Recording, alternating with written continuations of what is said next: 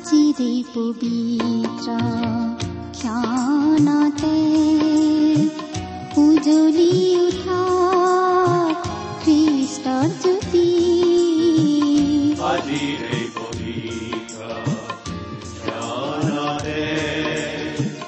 উজ্বলি উঠা খ্ৰীষ্টৰ জ্যোতি আকাশ বতাহ মুখৰিত কৰি গাঁও সবে মিলি প্ৰশংসা গীতি গাঁও সবে মিলি প্ৰশংসা গীতি আজিৰে পবিত্ৰ ক্ষণতে উজলি উঠা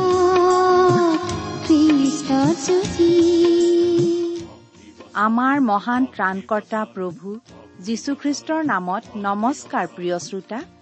এয়া মুকলি কৰিবলৈ লৈছো বাইবেল অধ্যয়নৰ ধাৰাবাহিক অসমীয়া অনুষ্ঠান ভক্তি বচন। প্ৰতি মহান প্ৰণাম তোমাৰ গ্ৰহণ কৰাই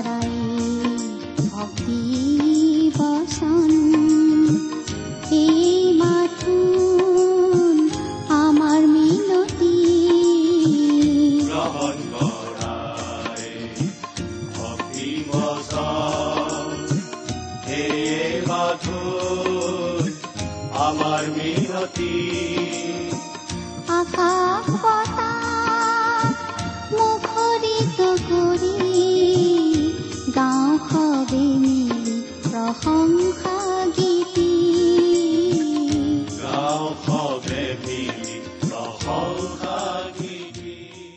আমাৰ পৰম পবিত্ৰ প্ৰভু যীশুখ্ৰীষ্টৰ নামত নমস্কাৰ প্ৰিয় শ্ৰোতা। আশা কৰোঁ আপুনি ভালে কুশলে আছে।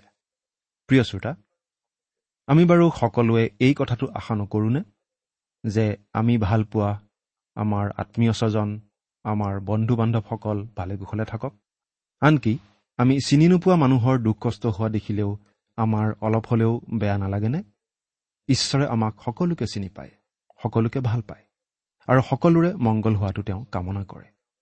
তেওঁৰ সেই প্ৰেমৰ বাণী আমি তেওঁৰ মহান বাক্য বাইবেল শাস্ত্ৰত পঢ়িবলৈ পাওঁ। একেদৰে আমিও আশা কৰোঁ আমাৰ মৰমৰ শ্ৰোতাসকল ভালে কুশলে থাকক। শ্ৰোতাসকলৰ পৰা চিঠি পত্ৰ আদি পাবলৈ আমি আশা কৰোঁ। চিঠি পত্ৰৰ জৰিয়তে আমি শ্ৰোতাসকলৰ বা বাতৰি পালে ভাল পাওঁ। আমাৰ ভাল লাগে। লগতে আমাৰ এই অনুষ্ঠান অথলে যোৱা নাই বুলিও আমি বুজি পাওঁ। প্ৰিয় শ্ৰোতা আপুনি বাৰু কেতিয়াবা আমালৈ চিঠি লিখিছেনে? অনুগ্ৰহ কৰি দুষাৰিমান লিখি পঠিয়াবচোন। পাৰিলে আজিয়ে লিখক। আমাৰ ঠিকনাটো অনুগ্ৰহ কৰি লিখি লওকচোন। ভক্তিবচন টি ডব্লিউ আৰ ইণ্ডিয়া ডাক বাকচ নম্বৰ সাত শূন্য গুৱাহাটী সাত আঠ এক শূন্য শূন্য এক। ভক্তিবচন T W R India post box number seventy Guwahati seven eight one zero' zero' one. আমাৰ website W W W dot radio' eight eight two dot com আহকচোন আজিৰ বাইবেল অধ্যয়ন আৰম্ভ কৰাৰ আগতে পৰম পিতা পৰমেশ্বৰৰ ওচৰত প্ৰাৰ্থনাত মূৰ্ণত কৰোঁ হওক আমি প্ৰাৰ্থনা কৰোঁ হে আমাৰ স্বৰ্গত থকা অসীম দয়ালু পিতৃ ঈশ্বৰ! তোমাক ধন্যবাদ জনাওঁ। কিয়নো তোমাৰ মহান বাক্য বাইবেল শাস্ত্ৰ অধ্যয়ন কৰিবলৈ তুমি আমাক আকৌ এটা সুযোগ দিছা। প্ৰভু আমি দুৰ্বল মানুহ মাত্ৰ। আমাৰ সীমিত জ্ঞানেৰে তোমাৰ বাক্যৰ নিগূঢ় তত্ত্ব আমি বুজি পাব নোৱাৰোঁ। প্ৰভু তুমিয়েই আমাক শিকোৱা তুমিয়েই আমাক বুজাই দিয়া তুমিয়েই আমাক কথা কোৱা। এই অনুষ্ঠান শুনি থকা প্ৰতিজন শ্ৰোতাক তুমি বিশেষভাৱে কথা কোৱা। তেওঁলোক প্ৰতিজনৰ বাবেই তুমি চিন্তা কৰা। তেওঁলোক প্ৰতিজনকেই যে তুমি ভাল পোৱা। তেওঁলোকৰ জীৱনৰ প্ৰতিটো দিশতেই তুমি যে হাত দি তেওঁলোকৰ জীৱন সফল কৰি তুলিব খোজা সেই কথা তেওঁলোকক উপলব্ধি কৰিবলৈ দিয়া। এই ভক্তিবচন অনুষ্ঠানৰ সৈতে জড়িত প্ৰতিজন ব্যক্তিক তুমি বিশেষভাৱে সহায় কৰা। যাতে তেওঁলোকে নিজৰ নিজৰ কাম সুকলমে কৰি যাব পাৰে। এই অনুষ্ঠানৰ জৰিয়তে তোমাৰ প্ৰেমৰ সৌৰভ চাৰিওফালে বিয়পাই দিয়া। কিয়নো এই প্ৰাৰ্থনা আমাৰ পাপৰ প্ৰায়চিত্ৰ কৰিবলৈ ক্ৰুচত নিজৰ অমূল্য তেজ বোৱাই মৃত্যুবৰণ কৰি তৃতীয় দিনা কবৰৰ পৰা পুনৰ জি উঠি এতিয়া স্বৰ্গত আমাৰ হকে নিবেদন কৰি থকা মহান প্ৰভু যীশুখ্ৰীষ্টৰ নামত অৰ্পণ কৰিলো। আহমেন।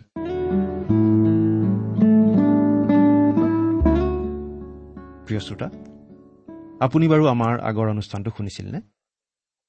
যদি শুনিছিল তেতিয়াহ'লে আপোনাৰ নিশ্চয় মনত আছে যে আমি যোৱা অনুষ্ঠানত এখন নতুন পুস্তকৰ অধ্যয়ন আৰম্ভ কৰিছিলোঁ। পুস্তকখন হৈছে বাইবেলৰ নতুন নিয়ম খণ্ডৰ পিতৰৰ প্ৰথম পত্ৰ।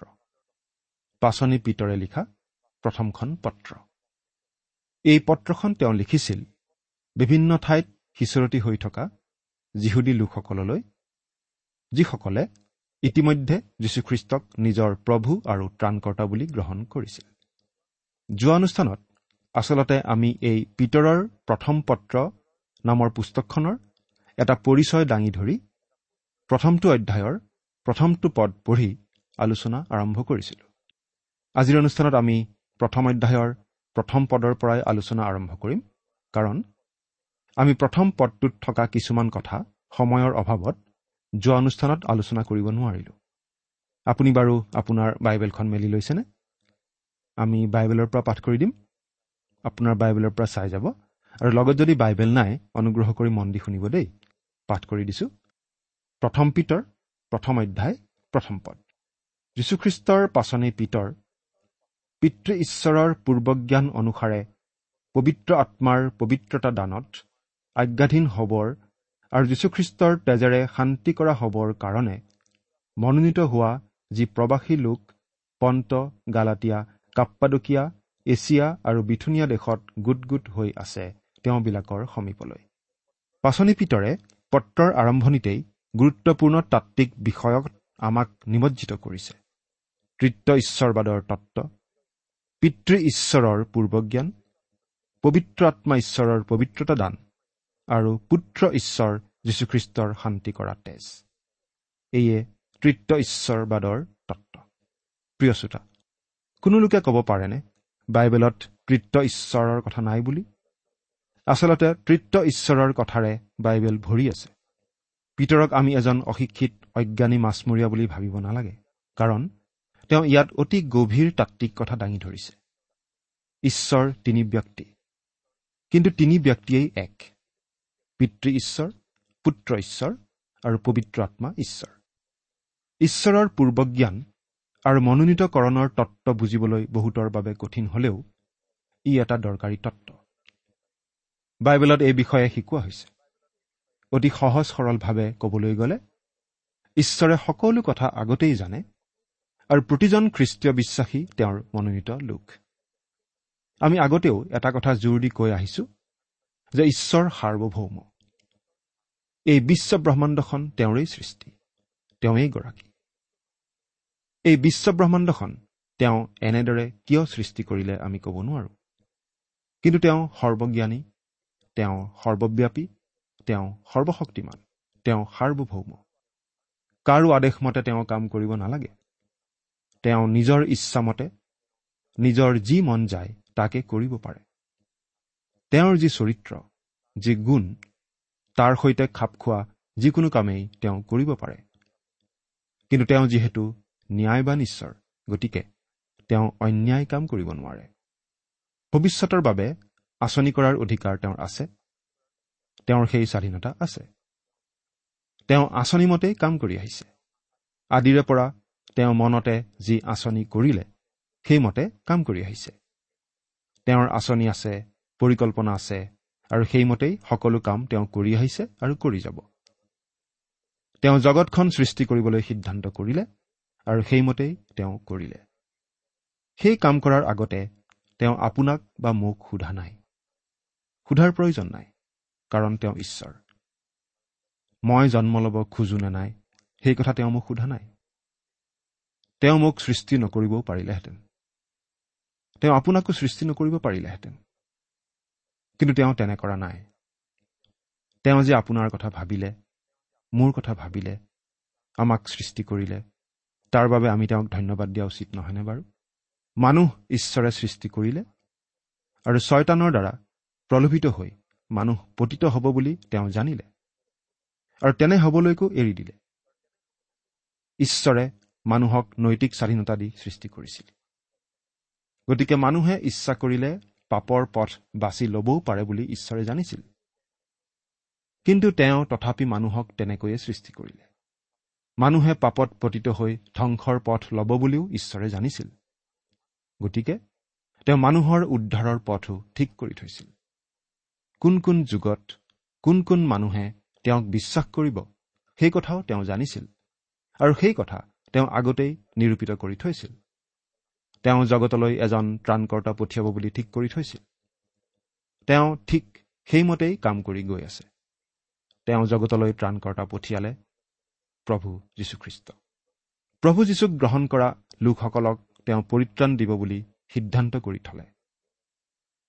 আৰু সেই লোকসকলক তাত্বিক ভাষাত মনোনীত লোক বুলি কোৱা হয়। লাগিলে আমি যি বুলিয়েই নকওঁ কিয়?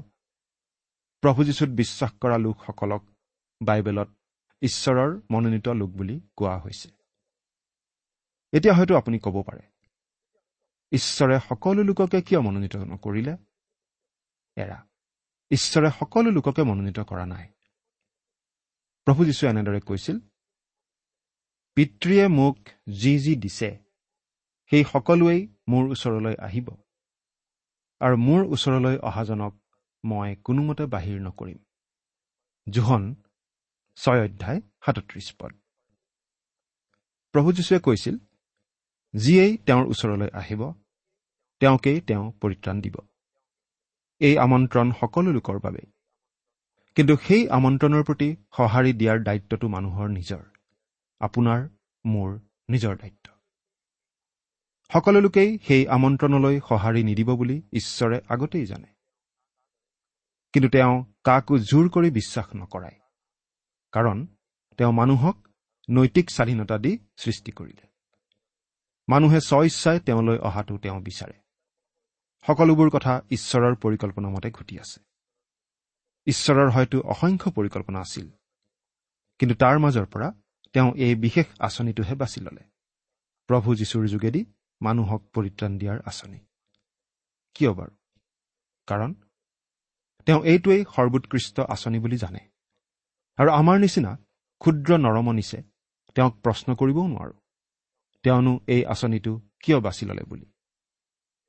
তেওঁ সৃষ্টিকৰ্তা আৰু আমি তেওঁৰ সৃষ্ট জীৱ মাত্ৰ আমি আনকি কাৰ ঘৰত জন্মিম কোন তাৰিখে কোন সময়ত জন্মিম সেইবোৰো নিজৰ খুচিমতে বাছি ল'ব নোৱাৰো। আমি আজি যি সেয়া ঈশ্বৰৰ অনুগ্ৰহতহে হৈছো। তেওঁৱেই আমাৰ বাবে এই সকলোবোৰ ঠিক কৰি দিছে। আৰু সেই সকলো তেওঁৰ পৰিকল্পনাৰ অংশমতেই হৈছে। ঈশ্বৰৰ যে এটা আঁচনি আছে সেই আঁচনিত আমি দুখ ধৰিবলৈ যোৱাটো ভুল। কাৰো অন্যায় চিন্তা কৰি ঈশ্বৰে আঁচনি কৰা নাই। তেওঁ সকলো মানুহকেই অতিশয় প্ৰেম কৰে আৰু সকলো লোকৰেই মংগল হোৱাটো তেওঁ বিচাৰে। তেওঁ প্ৰেমময় দীৰ্ঘ সহিষ্ণু কৰোণাময় অনুগ্ৰহৰ আকৰ। তেওঁক আমি সম্পূৰ্ণৰূপে ভৰসা কৰিব পাৰোঁ। প্ৰিয় শ্ৰোতা ঈশ্বৰৰ আঁচনিমতেই তেওঁ কাম কৰি গৈছে আৰু সেই আঁচনি কেতিয়াও বিফল নহয়। মানুহে কৰা পৰিকল্পনা মানুহে কৰা আঁচনি প্ৰায়ে বিফল হয়। প্ৰায়ে আমি আঁচনি সলনি কৰিবলগীয়া অৱস্থা হয়। কিন্তু ঈশ্বৰৰ ক্ষেত্ৰত হ'লে তেনে নহয় কাৰণ তেওঁ সকলো আগতেই জানে সকলো তেওঁৰ হাতৰ মুঠিত। এতিয়া আমি পবিত্ৰ আত্মাৰ পবিত্ৰতা দানৰ বিষয়টো অলপ চাব খুজিছো। প্ৰথমতে আমি এটা কথা সোঁৱৰাই দিব খুজিছো যে প্ৰভু যীশুৱেই আমাৰ পবিত্ৰতা। আমি তেওঁতকৈ অধিক পবিত্ৰ কেতিয়াও হ'ব নোৱাৰো। আমি তেওঁতেই সম্পূৰ্ণ শুদ্ধ সিদ্ধ হওঁ। আমাক প্ৰিয়জনাত গ্ৰহণ কৰা হ'ল বুলি বাইবেলত কোৱা হৈছে। অৰ্থাৎ প্ৰভু যীশুত আমাক গ্ৰহণ কৰা হ'ল। সম্পূৰ্ণ পবিত্ৰ সম্পূৰ্ণ ধাৰ্মিক সম্পূৰ্ণ ন্যায়বান হিচাপে। তাত আমি আৰু একো যোগ দিব নোৱাৰো। এয়েই আমাৰ খ্ৰীষ্টত লাভ কৰা অৱস্থান।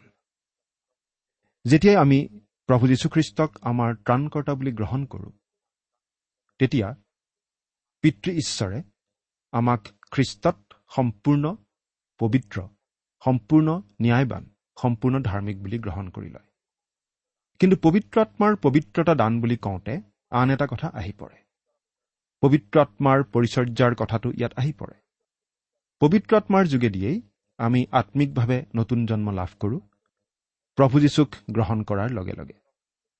লগে লগে পবিত্ৰ আত্মা আমাৰ হৃদয়লৈ আহে আৰু আমাৰ জীৱনত সৎকৰ্মৰ আৰম্ভণি কৰে যাতে আমি দিনে দিনে আত্মিকভাৱে বৃদ্ধি পাই পাই যাব পাৰোঁ আৰু পৰিপক্ক খ্ৰীষ্টীয় বিশ্বাসী হৈ উঠিব পাৰোঁ। কিন্তু অতি দুখৰ কথা যে আজি আমাৰ মাজত বহুতো খ্ৰীষ্টীয় বিশ্বাসী আছে যাৰ হয়তো প্ৰভু যীশুক গ্ৰহণ কৰা পঞ্চাছ বছৰ হৈ গ'ল। কিন্তু আত্মিকভাৱে কেঁচুৱা হৈয়ে আছে। তেওঁ আত্মিকভাৱে বৃদ্ধি পোৱা নাই। পবিত্ৰ আত্মাই আমাক এই পৃথিৱীত থকা অৱস্থাতেই আত্মিকভাৱে বৃদ্ধি পোৱাত সহায় কৰে। দিনে দিনে পবিত্ৰতাৰ পথত আগবঢ়াই লৈ যায়। কিন্তু আমি সেই কাম কৰাৰ বাবে তেওঁক সুযোগ দিব লাগিব। তেওঁৰ বাধ্য হৈ। আমি মনত ৰখা উচিত। আমাক সদায় প্ৰভু যীশুৰ সহায় লাগে। আমি কেতিয়াও ক'ব নোৱাৰোঁ যে আমি সম্পূৰ্ণ পৰিপক্ক হৈ গ'লো। আমাক আৰু কাৰো সহায় নালাগে বুলি। সেইবাবেই আমি সদায় নম্ৰভাৱে প্ৰভু যীশুৰ সহায় বিচাৰিব লাগে আৰু পবিত্ৰ আত্মাক আমাৰ জীৱনত কাম কৰি যাবলৈ সুবিধা দিব লাগে। পবিত্ৰতা দান কাৰ্যটো পবিত্ৰতা দান কৰিব পৰা পবিত্ৰ আত্মাইহে কৰিব পাৰে। আমি কোনো কিতাপ পঢ়ি বা কোনো বিশেষ কাম কৰি অধিক পবিত্ৰ হ'ব নোৱাৰোঁ। পবিত্ৰ আত্মাই আমাৰ জীৱনত অধিক কাৰ্য কৰিব পাৰিলেই আমি পবিত্ৰতাৰ দিশত অধিক আগবাঢ়ি যাব পাৰোঁ।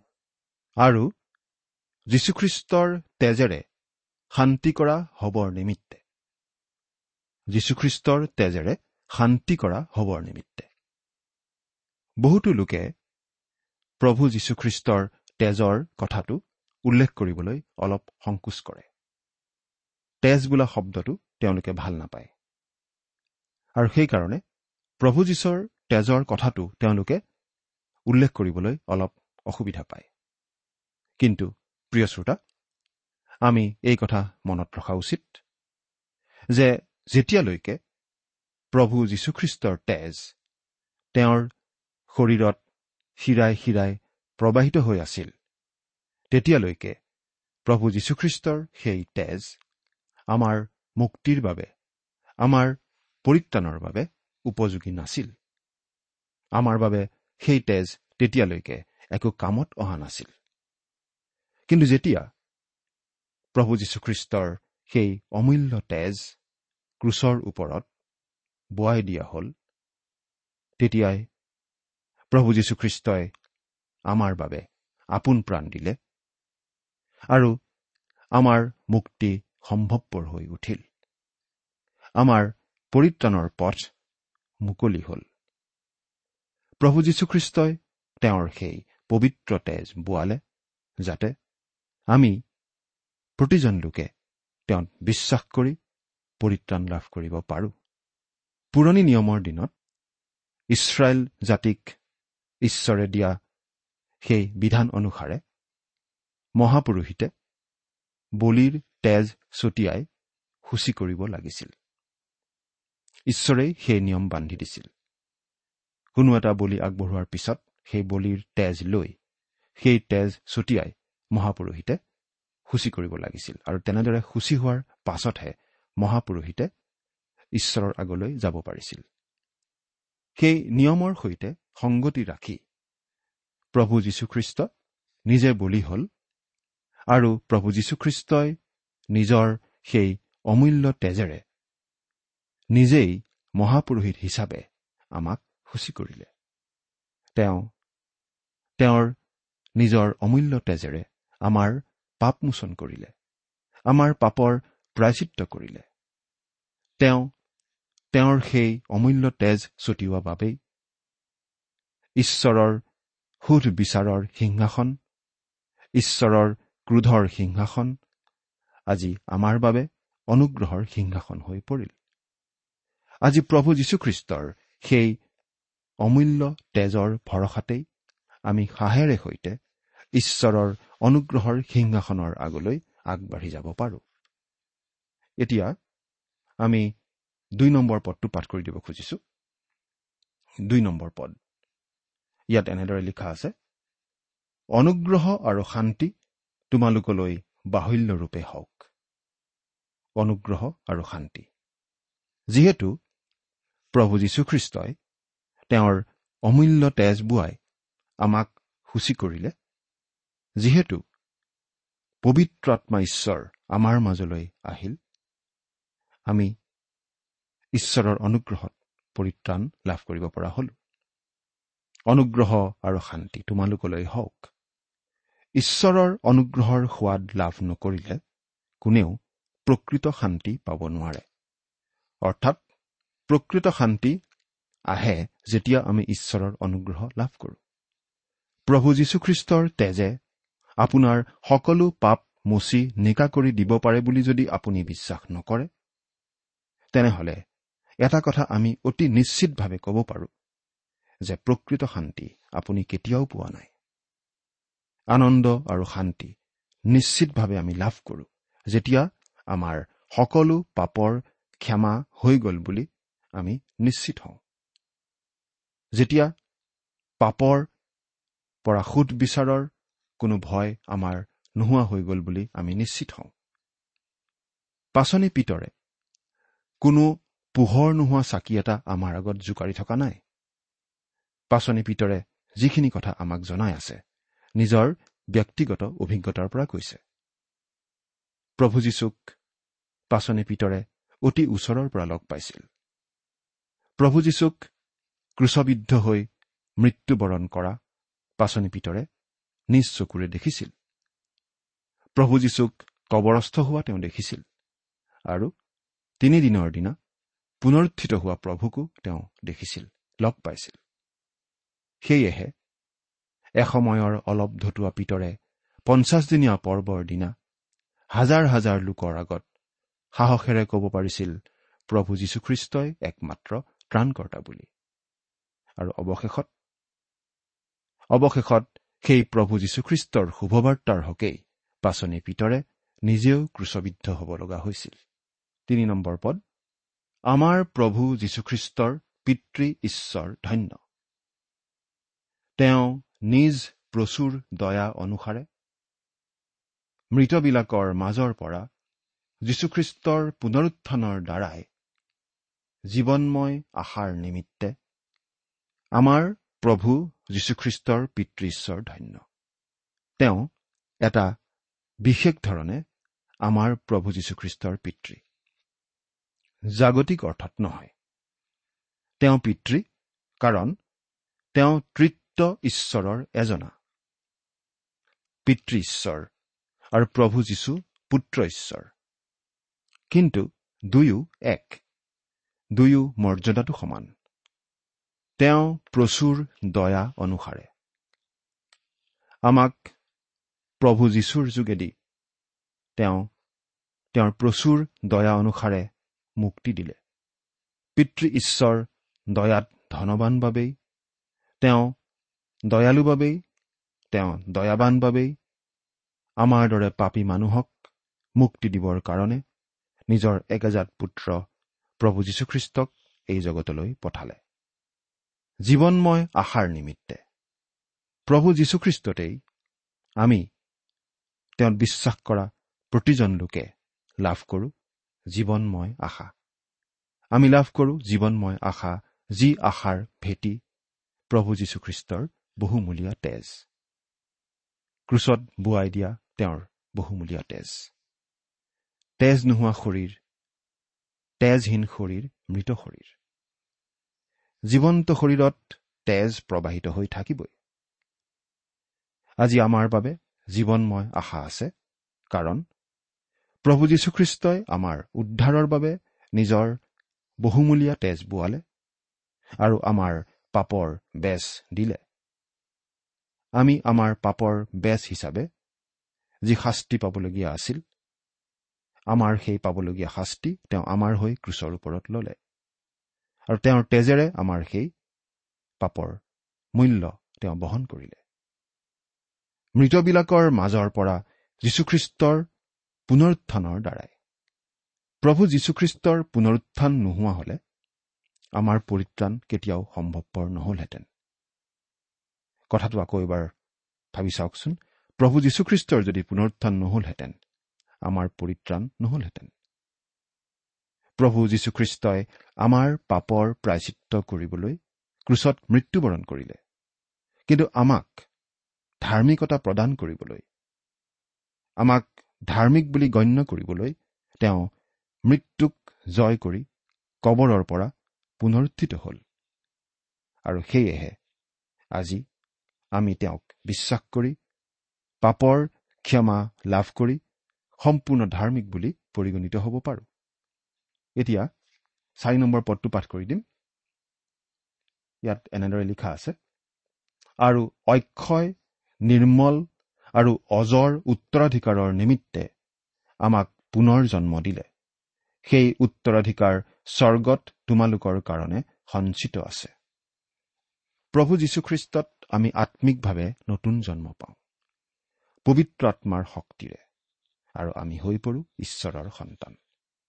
গতিকে আমি লাভ কৰোঁ অক্ষয় নিৰ্মল আৰু অজৰ উত্তৰাধিকাৰ। এই উত্তৰাধিকাৰ অক্ষয়। কেতিয়াও ক্ষয় নহয়। কোনেও নষ্ট কৰিব নোৱাৰে। আমাৰ পৰা কোনেও কাঢ়ি নিব নোৱাৰে। এই উত্তৰাধিকাৰ নিৰ্মল সম্পূৰ্ণ ন্যায়সন্মত। বিধিমতেই লাভ কৰা উত্তৰাধিকাৰ। এই উত্তৰাধিকাৰ অজৰ কেতিয়াও নষ্ট নহয় বা লোপ নাপায়। সেই উত্তৰাধিকাৰ স্বৰ্গত আমাৰ বাবে সঞ্চিত আছে। প্ৰিয় শ্ৰোতা প্ৰভু যীশুত বিশ্বাস কৰি আমি সেই উত্তৰাধিকাৰ লাভ কৰোঁ। সেই উত্তৰাধিকাৰৰ বলতেই আমি স্বৰ্গত বাস কৰিবলৈ পাম অনন্তকালৰ বাবে। এই কথা বাৰু আপুনি মনত ৰাখিছেনে? ঈশ্বৰে আপোনাক আশীৰ্বাদ কৰক। আমেন।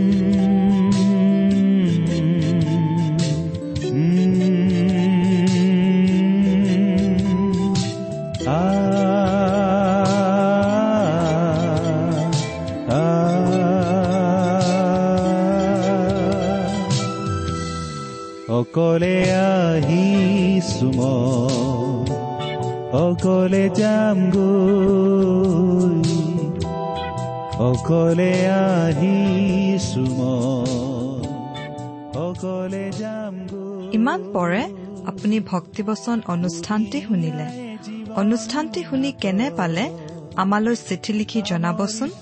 অনুষ্ঠানত প্ৰচাৰ কৰা কোনো কথা বুজিব লগা থাকিলেও আমালৈ লিখক।